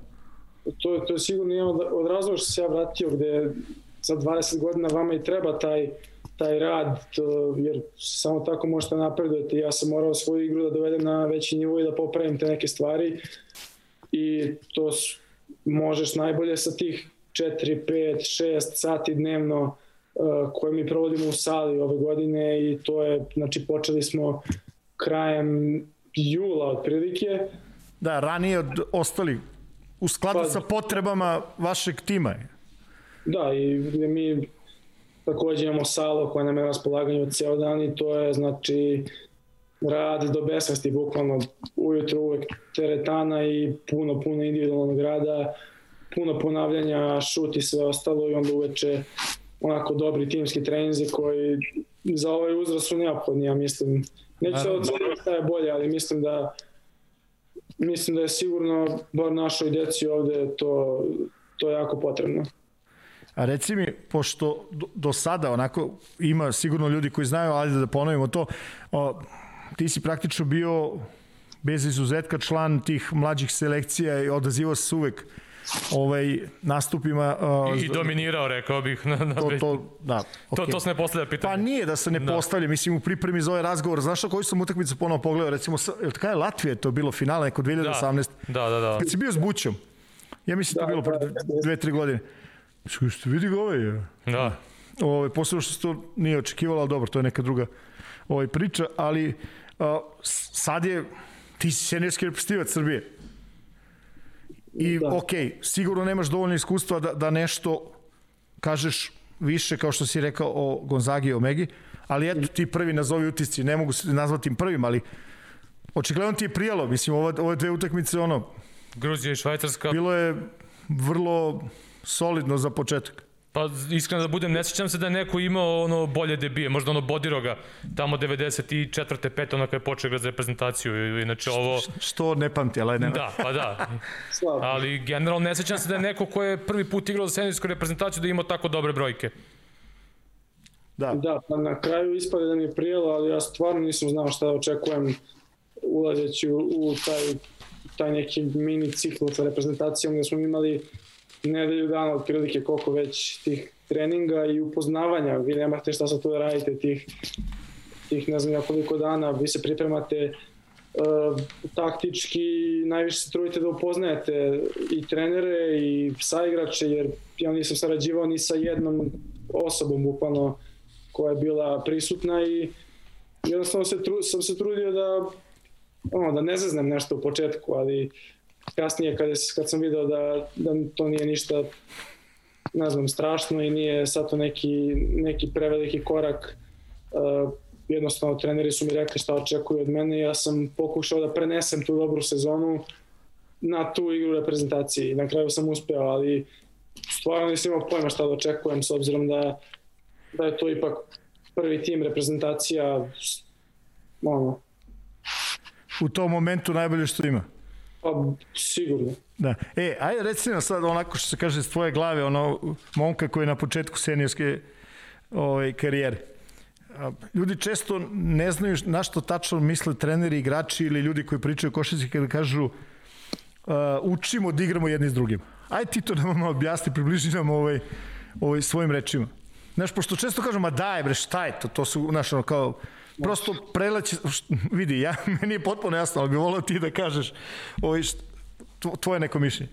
Da, pa to je otprilike, mislim, jednostavno moraš da moraš da probaš da, ne znam, shvatiš i da upoznaš uh, bukvalno kako dišu tvoji saigrači, znači to je od svih tih detalja jednostavno učiš kakav je neko igrač da bi znao šta da očekuješ, pogotovo sad kao visoki igrač bekove, da znaš šta su im prednosti, šta su im mane, kada možeš da očekuješ loptu od njih, kada moraš, ne znam, jednostavno da bi mogao uopšte da igraš sad, ne znam, igraš prvi put sa nekim sa kojim, sa kim nikad nisi igrao i on radi jedno, ti radiš drugo, znači ne podudarate se uopšte, moraš da da upoznaš sa igrača da bi jednostavno mogli da da budete na terenu u isto vreme, tu nema... Pa da. Znaš šta mi je uvijek zanimljivo, onako da, da objasniš nekome koje lju, voli košarku, znaš sad da mu objašnjaš ti šta je tačno tajming ili ti pravovremenost. Pa, ne, ne. Ne znam kako u reči da ubacim to uopšte. Da, e, ali, ali to je ono, to mi je uvijek bilo zanimljivo, znaš, pa kako, šta, pa, pa rekao, dobro, čekaj sad, ajde, polako. I onda im poku, pokušaš da, da prosto o nečemu čemu možda znaš malo više od njih, da je pokušao da im približiš. Uh, Fili, Filipe, uh, kakve vrste, pominjao si sad uh, neke, neke igrače i tako dalje, kakve vrste lidera voliš i kakav bi ti lider u nastavku svoje karijere volao da budeš? Koja vrsta? Pa volim one glasne, one što se mm -hmm. čuje non stop. Vocal leaders. Da, da, da, sigurno. Ja iskreno nisam neki lider u tom fazonu, još uvek, što ne znači da možda neće biti, ali da, mislim jednostavno volim da, da, da osetim non stop, volim tog nekog ko, ko znam da će biti tu da, da, da ti kaže i tebi i bilo kome da kada nešto ne valja da te postavi na pravo mesto jednostavno. I ja mislim da mi neko takav treba da bi Da pomogne da te povede, jel? Pa da, i da bi mogo da se fokusiram na neke druge stvari, jer postoje takvi tipovi igrača koji, koji jednostavno to ide uz njih, nekako to rade prirodno. Da, da, naravno, naravno. A da si, da si GM nekog tima, kakve bi ti igrače regrutovo za svoju ekipu? Kakav ili, profil? Ili ti u prevodu s kakvim ljudima voliš da se okružiš? Da, pa... Bi voleo da se okružiš ili da staviš u svoj tim, eto. Pa onako, normalno. Re, recimo, recimo ko na All Star ovo Lebron i Janis tim, evo da, da, da imaš priliku da biraš. pa nekako, mislim, dobro, sad kad bi sastavio tim, sigurno bi imao dva ta neka lidera, jednog visokog, jednog niskog, koji su onako ti neki superstarovi i onako ostalo uklapaš prema njima otprilike. Mislim da treba da se zna u svakoj ekipi ko kao što je Gila rekao, ko si ako ovo donosi, zato što sad ako ti imaš 10 igrača, pa svako hoće nešto, a niko ne zna šta u stvari može i hoće, jednostavno mora da se postave stvari od početka i sigurno da većina moraju da budu i, i coachable i da budu jednostavno normalni van, van terena da bi prihvatali sve te neke stvari. E, a to je, to je ono, znaš, ovaj, to je ono što, što ljudi stalno pričaju, znaš, hemija u timu i sad, uh, znaš, imaš hemiju van terena, imaš hemiju na terenu, naravno, Ovaj, ima slučajeva i da kada nema hemije van terena, timovi na terenu funkcionišu ali najčešće se vezuju za vrhunske, za vrhunske kvalitetne igrače sa, sa, sa a, razumevanjem takozvanih ovaj, takmičarskih procesa i onoga što treba se uradi da se pobedi. Međutim, ovaj, mene, mene, nešto, ovaj, mene nešto drugo zanima. A, vezano za ovo što je Srđan rekao, vezano za GM. Ako možeš da izabereš jednu karakternu osobinu igrača, za čime bi ti tragao kao GM? Razumeš? Ono kao recimo sad tebe kad analiziraju, znaš, ja verujem da svašta nešto pričaju, mene fascinira tvoje strpljenje i, i, i staloženost. Razumeš, čak i kad ne igraš dobro. Sad recimo, šta, šta bi ti gledao kod drugih igrača? Šta bi tražio? Znaš, nek, ja, ja recimo volim da imam ljude koji su ambicizni. Mislim da je to isto možda reč koja, koja vezuje sve ono što si pričao sad ste da kažem da, da jednostavno da, da žele da napreduju, da, da, žele, da žele više, da žele da pobeđuju, da su, pa jeste, ambicioni, da, da, da jednostavno da se ne zadovoljavaju nekim tako manjim stvarima, da, da uvijek žele više, jer samo tako mislim da može da i da naprave nešto. Pa mislim, pošto ti definitivno ne, ne ulaziš u grupu onih takozvanih happy players, koji su kontra od ovoga što si, što si da. ovaj, rekao. Da, i jednostavno mislim da nije ni zdravo toliko da, da se, zadovo, da se igrači zadovoljavaju, pogotovo sa, ne znam, 18, 19, 20 godina, mislim. Da. To je... Ali kapiram da si sa time sreo.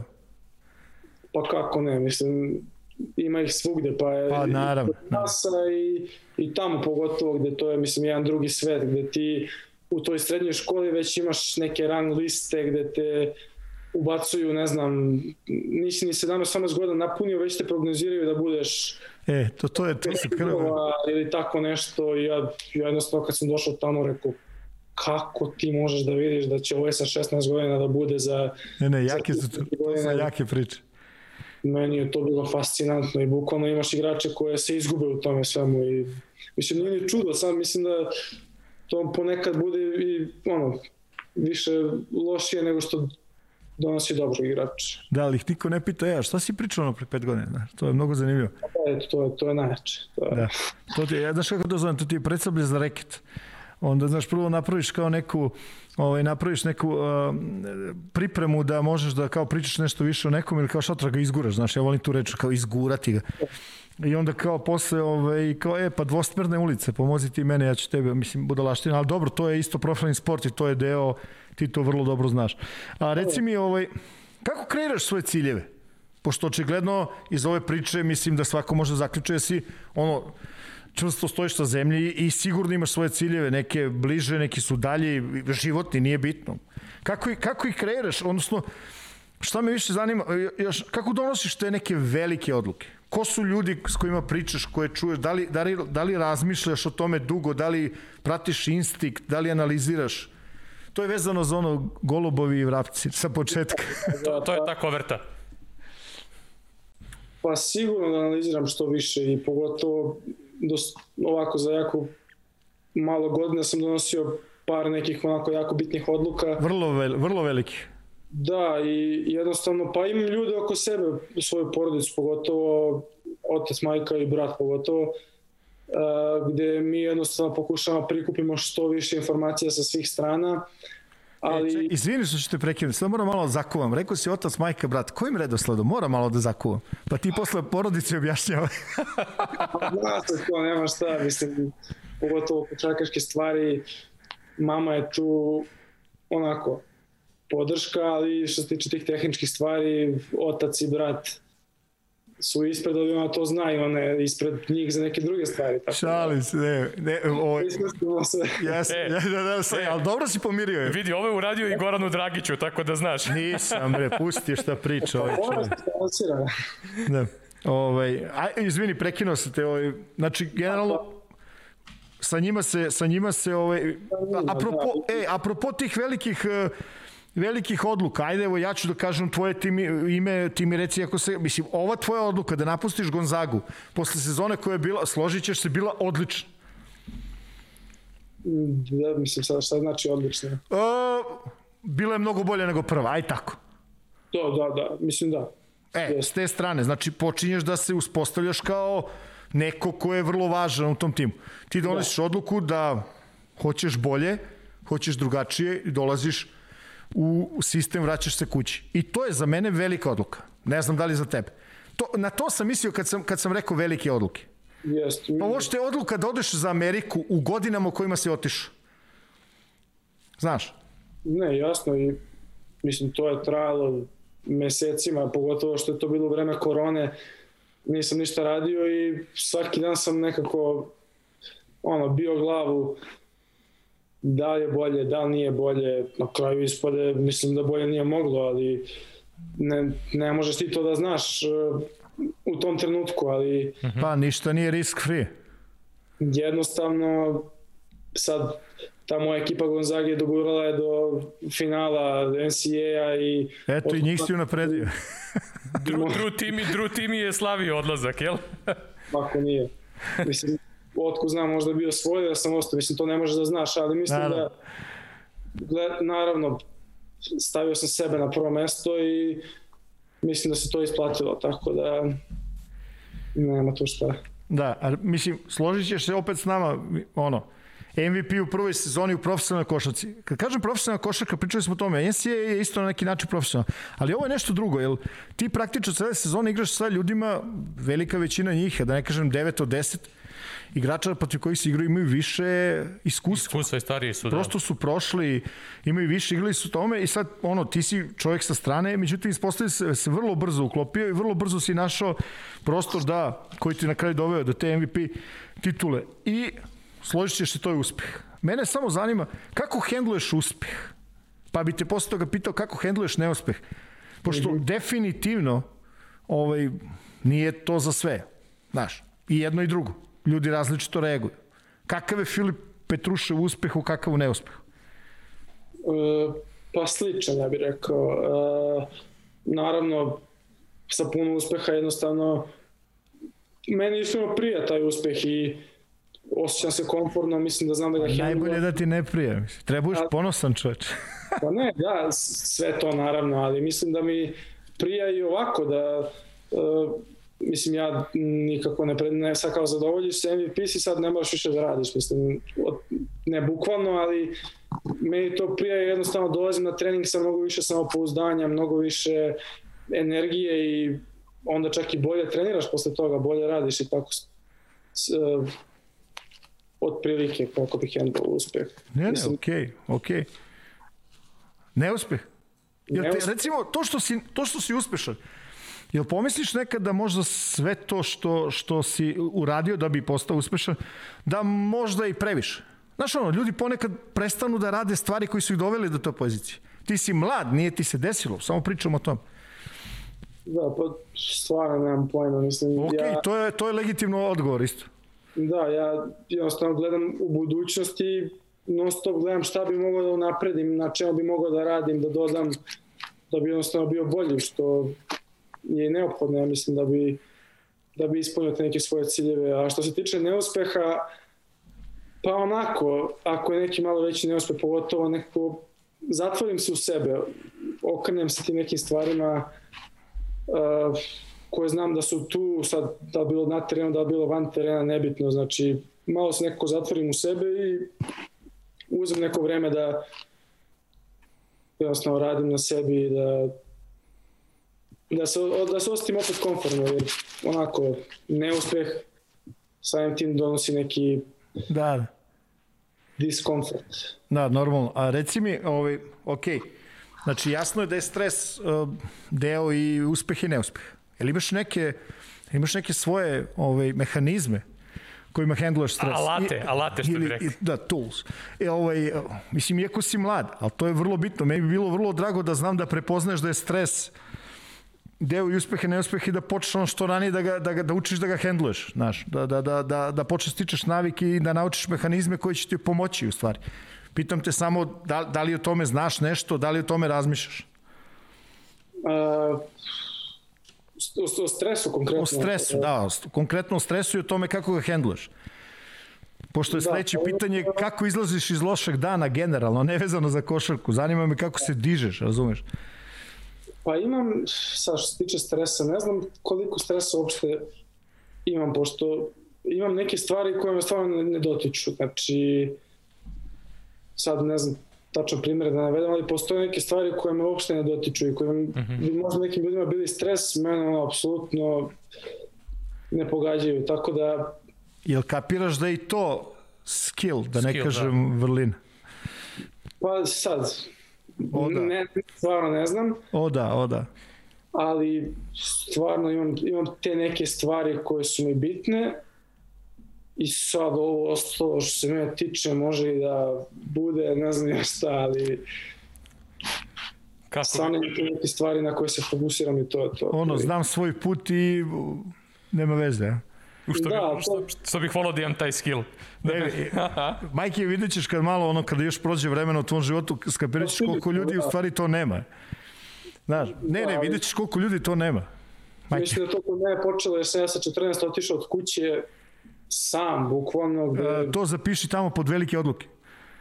Pa, takođe, da. pa, tako je. Sigurno, je, otišao, od, mi smo otišli u Španiju sam, ono, bukvalno da već postanem onako poluprofesionalac sa 14 godina, tako da mislim da jednostavno mozak se navikne na to i ubaci se u taj neki režim da, da možeš da praviš razliku između, ne znam, bitnih i nebitnih stvari. Ajde reci nam nešto, ono, šta radiš kada imaš loš dan? Ima loših dana, uvek ima loših dana. Ne pričam o košarci. Da, da, da. Šta radiš tada? Kako pokušavaš da prođeš kroz to? Mhm. Mm Pa, kao što sam rekao, ono, treba mi neko vreme da, da iskuliram, da povučem se u sebe, onako zatvorim se, ne pričam mnogo ni sa kim, okružen sam sa par ljudi koji mi prijaju i to je to, uopšte ne, znači, ne idem nigde, ne izlazim znači iz kuće, bukvalno da zatvorim se neki određeni period i onda posle polako. Pa dobro, to je to je okej, okay, sad, ja? Mhm. Mm Da. Mislim, to je tako. Ne želiš da vidiš mene posle izgubljene utakmice. Od prilike, da. e, vidi, ovaj, primer koji, koji sigurno ti se desi u karijeri već i imaćeš toga dosta. A, kako se osjećaš kada odigraš odličnu utakmicu? Ti. Znači, tvoj individualni performans bio odličan, međutim, tvoj tim izgubi. Kako se osjećaš tada? I posle ćemo da uporedimo to sa kako se osjećaš kada ne odigraš na svom nivou, ali tim pobedi, ono što se kaže bez tebe, po znacima navoda. Mm -hmm. Ja možeš nešto da, da, da kažeš o tom? Da, pa onako ja onako posmatram to iz dva ula nekako sad što se tiče sebe onako ja iskreno budem zadovoljan utakmicom svojom ako znam da sam uradio otprilike sve uh, otprilike sve što sam mogao, ali svaki put kad izgubim onako mozgam da li sam mogao ovo ovako, da li sam mogao ovo bolje, da li sam mogao da kažem nešto nekom drugom, da, da se nešto desi drugačije. I uvek imam ta pitanja onako po glavi ti se motaju, posle par dana to prođe, ali onako preispitujem sebe, budem možda zadovoljan ako sam dobro odigrao, sad neću kažem nezadovoljan sam, dao sam ne znam 20 nešto poena, izgubili smo zadovoljan sam možda svojom partijom, ali uh, onako uvek dvomim se da li je moglo ovako, da li je moglo onako, šta znači, sam mogao više da uradim. Generalno ta emocija vezana za timski uspeh i dalje preovladava na tom pozitivnom koju donosi čiji je izvor taj, taj, ta dobra igra, ali i dalje ti je vrlo bitno šta tim uradi po znacima navoda. Ne može, da, ne može da bude to to ako Misliš, jednostavno prosto tražiš i jedno i drugo. Pa da. A recimo ako ne odigraš dobro, a tim pobedi, ko, kako bi poredio te dve emocije? Pa drugačije dosta. Da, sigurno. Drugačije baš, jer ti ako ne odigraš dobro, znaš jednostavno na čemu treba da radiš, znači fokusiraš se na sebe da odigraš bolje, a opet si zadovoljan ovom stranom da je tim onako, bude ti, bude ti lakše, ja mislim, malo Sigurno, bravo. sa jedne strane, ali opet znaš na što treba se fokusirati, znači na sebe i onako, bude ti lakše, jednostavno znaš na čemu si. Da. Reci mi, veruješ u rituale? Imaš neke svoje rituale, ono, znaš, pre utakmice, na dan utakmice, znaš one fore, kao... Ray Allen, ono Ne, i to. ne, da. I, mislim, neki ljudi zovu to rituali, neki zovu sueverje, neki zovu, nemam pojma, prizivanje sreće, pošto... Pa nemam sad, kako bi ti rekao, Ne, imam par tih nekih stvari koje onako znam otprilike kojim redom ide od kada uđem u halu pa otprilike neko vreme koje izlazim na teren. Imam te neki redosled, nije uvek isti, ali otprilike ne volim da onako kad se završava zagrevanje promašim jedno. Mhm, mhm. Promašim jedan šut. A, Da, to- ako može da bude zadnji pre nego što je na klupu, pa onda ulazim u igru. Ali ne znam zašto, ali ne volim, ne volim da mnogo ubacujem na zagrevanje. Od prilike. E, A ka- sad ćeš se, ovaj, sad ćeš se možda začuditi, ja sam tu čuo dobrog broja igrača, znaš. Vrlo, pri, pri, da, da, prilično isto stvar. Prilično isto stvar. E, takozvane, kontrolisano ću promašiti. Da znaš samo, eto, da nije preterano čisto. preterano, ovaj, ra, ono, čudno. E, ko ti je, ko ti je najteži protivnik bio do, do, tada- do sadašnjem toku karijere s kojim si se susreo? Aha. Jesmo se čuli ili... Nisam, nisam čuo, prekinuo se. E, Ko, ko ti je najteži protivnik bio onako u dosadašnjem toku svoje, svoje karijere? Nebitno na kom nivou. Da, pa to je sigurno bilo ove godine. Uh, sad gledajući svoju poziciju, sigurno mi je dosta teško bilo da igram protiv uh, tip Mornara, onako Nismo čuli, pošto je prekinulo, koga si rekao? Uh, rekao sam tip igrača otprilike kao Mosley ili kao Taylor Smith iz Taylor Mornara. Smith, aha, aha, ovi at- atlete, ove... Onako, malo undersize, ali čvrsti, jaki, eksplozivni, nisko težište, onako moraš da znaš, nije isto kad igraš protiv njih i kad igraš protiv, ne znam, igrača sličnije meni, onako višim, pa možda malo drugačijim jednostavno. Nezgodni su dosta kada te čuvaju, moraš da onako malo brže igraš i ne smeš da onako uvodete u greške ponekad Mm, svojim onako fi, svojom fizikom i svojim uh, svojim telom onako izbacate malo iz ritma Da, koji, da. koji si navikao.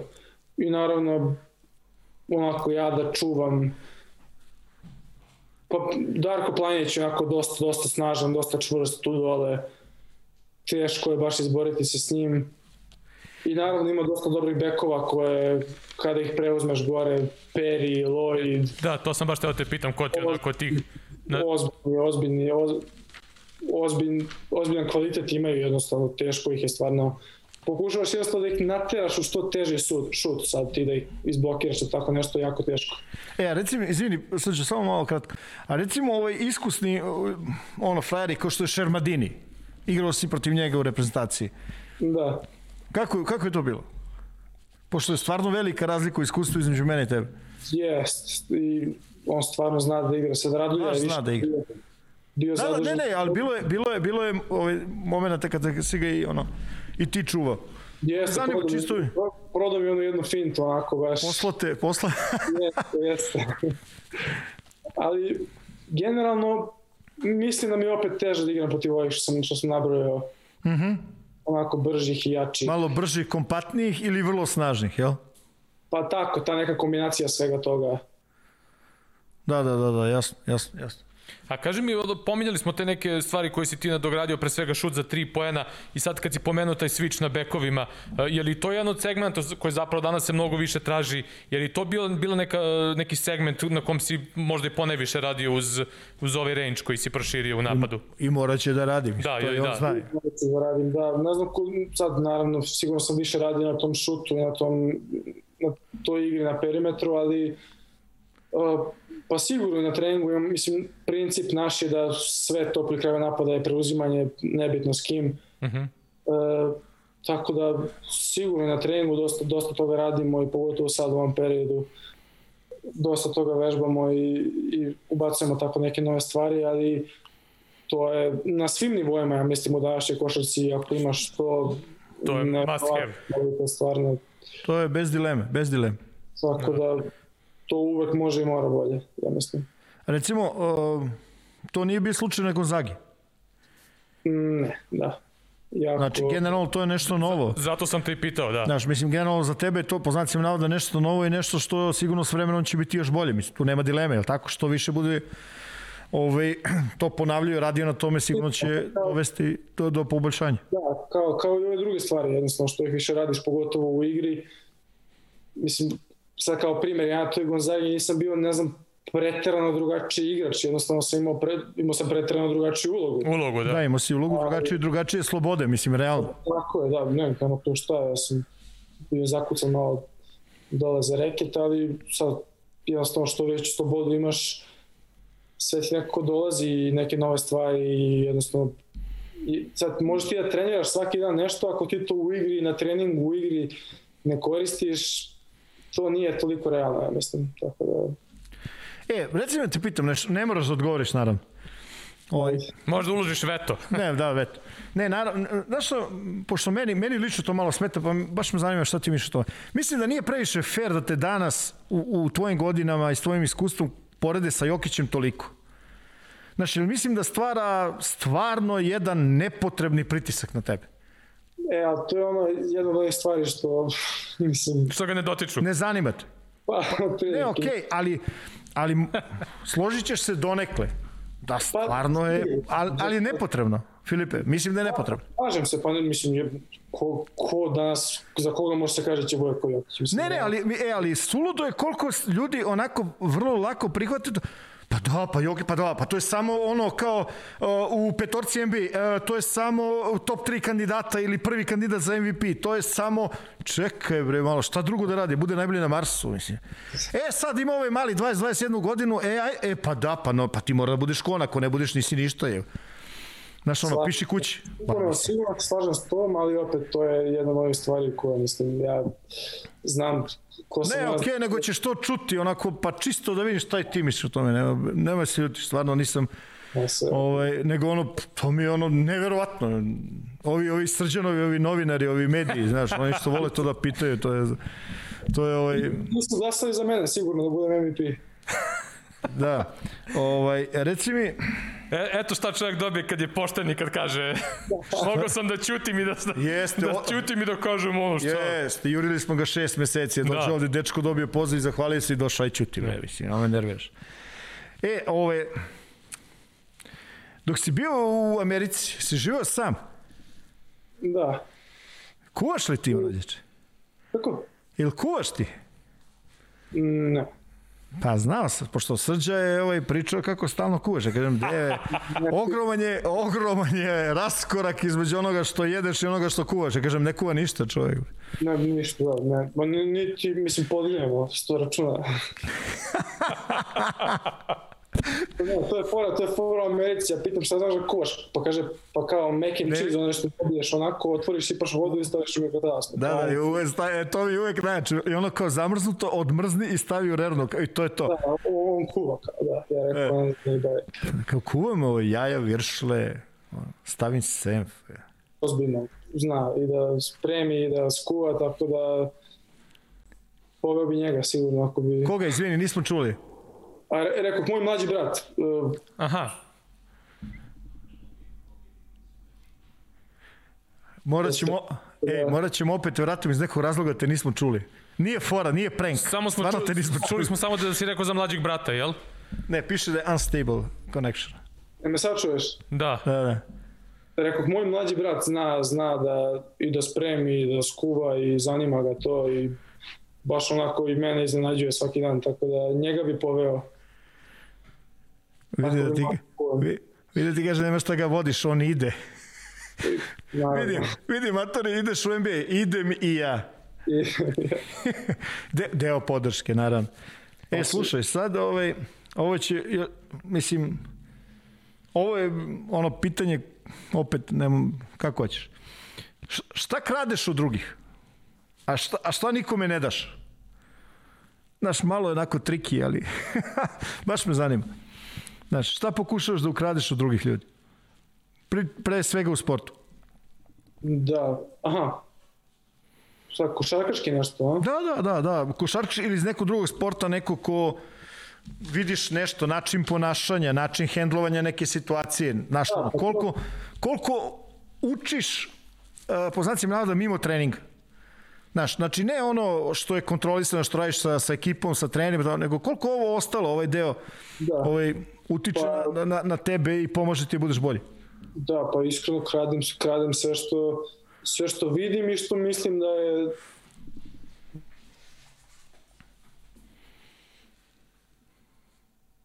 ono što mislim da bi ja mogao da e, da iskoristim sve što mislim lako prihvatam stvari koje su dobre a Šta nikom ne daš? šta nikom ne dam pa Uvek može da kažeš no comment. Stavi veto, je. ne znam šta im ne dam mislim oni ako hoće mogu da uzmu otko znam E, ovo, ovo, ovo ti je najbolji odgovor na ovo pitanje, ono naš koji u NBA-u, kao ono next question. Naj, najkulturniji odgovor da preskočiš pitanje. ili ne kažeš ništa ko vezruk Da. Da, samo pogledaš da. ga u redu je sledeći. Ili, ili kako ono Rashid, ono both teams play hard. Da, da, to mu je najbolje. To je, i šta god da ga pita, on kaže ono both, both team, Pa dobro, teams ima. play hard. E, ali imaš te one, ove, već unapred naučene rečenice koje ponavljaš? Pa da, pa mislim da kad sam došao u Megu pogotovo, sad svi hoće, ne znam, neki intervju ili nešto i ti mislim ti daš prvi, drugi, treći već ponoviš sve što si rekao i to je to otprilike. A, ali priznaj da smo te mi sad iznenadili malo, znači Ne, ovo, ovako pitanja stvarno nisam da sam. ovo, ovo smo te spremili za, za ovaj intervju sa ovim front ofisima. Da, E. pa, Da, izvini, prekinu se opet, naravno. reci, reci. Ne, šta si hteo da kažeš, završi slobodno.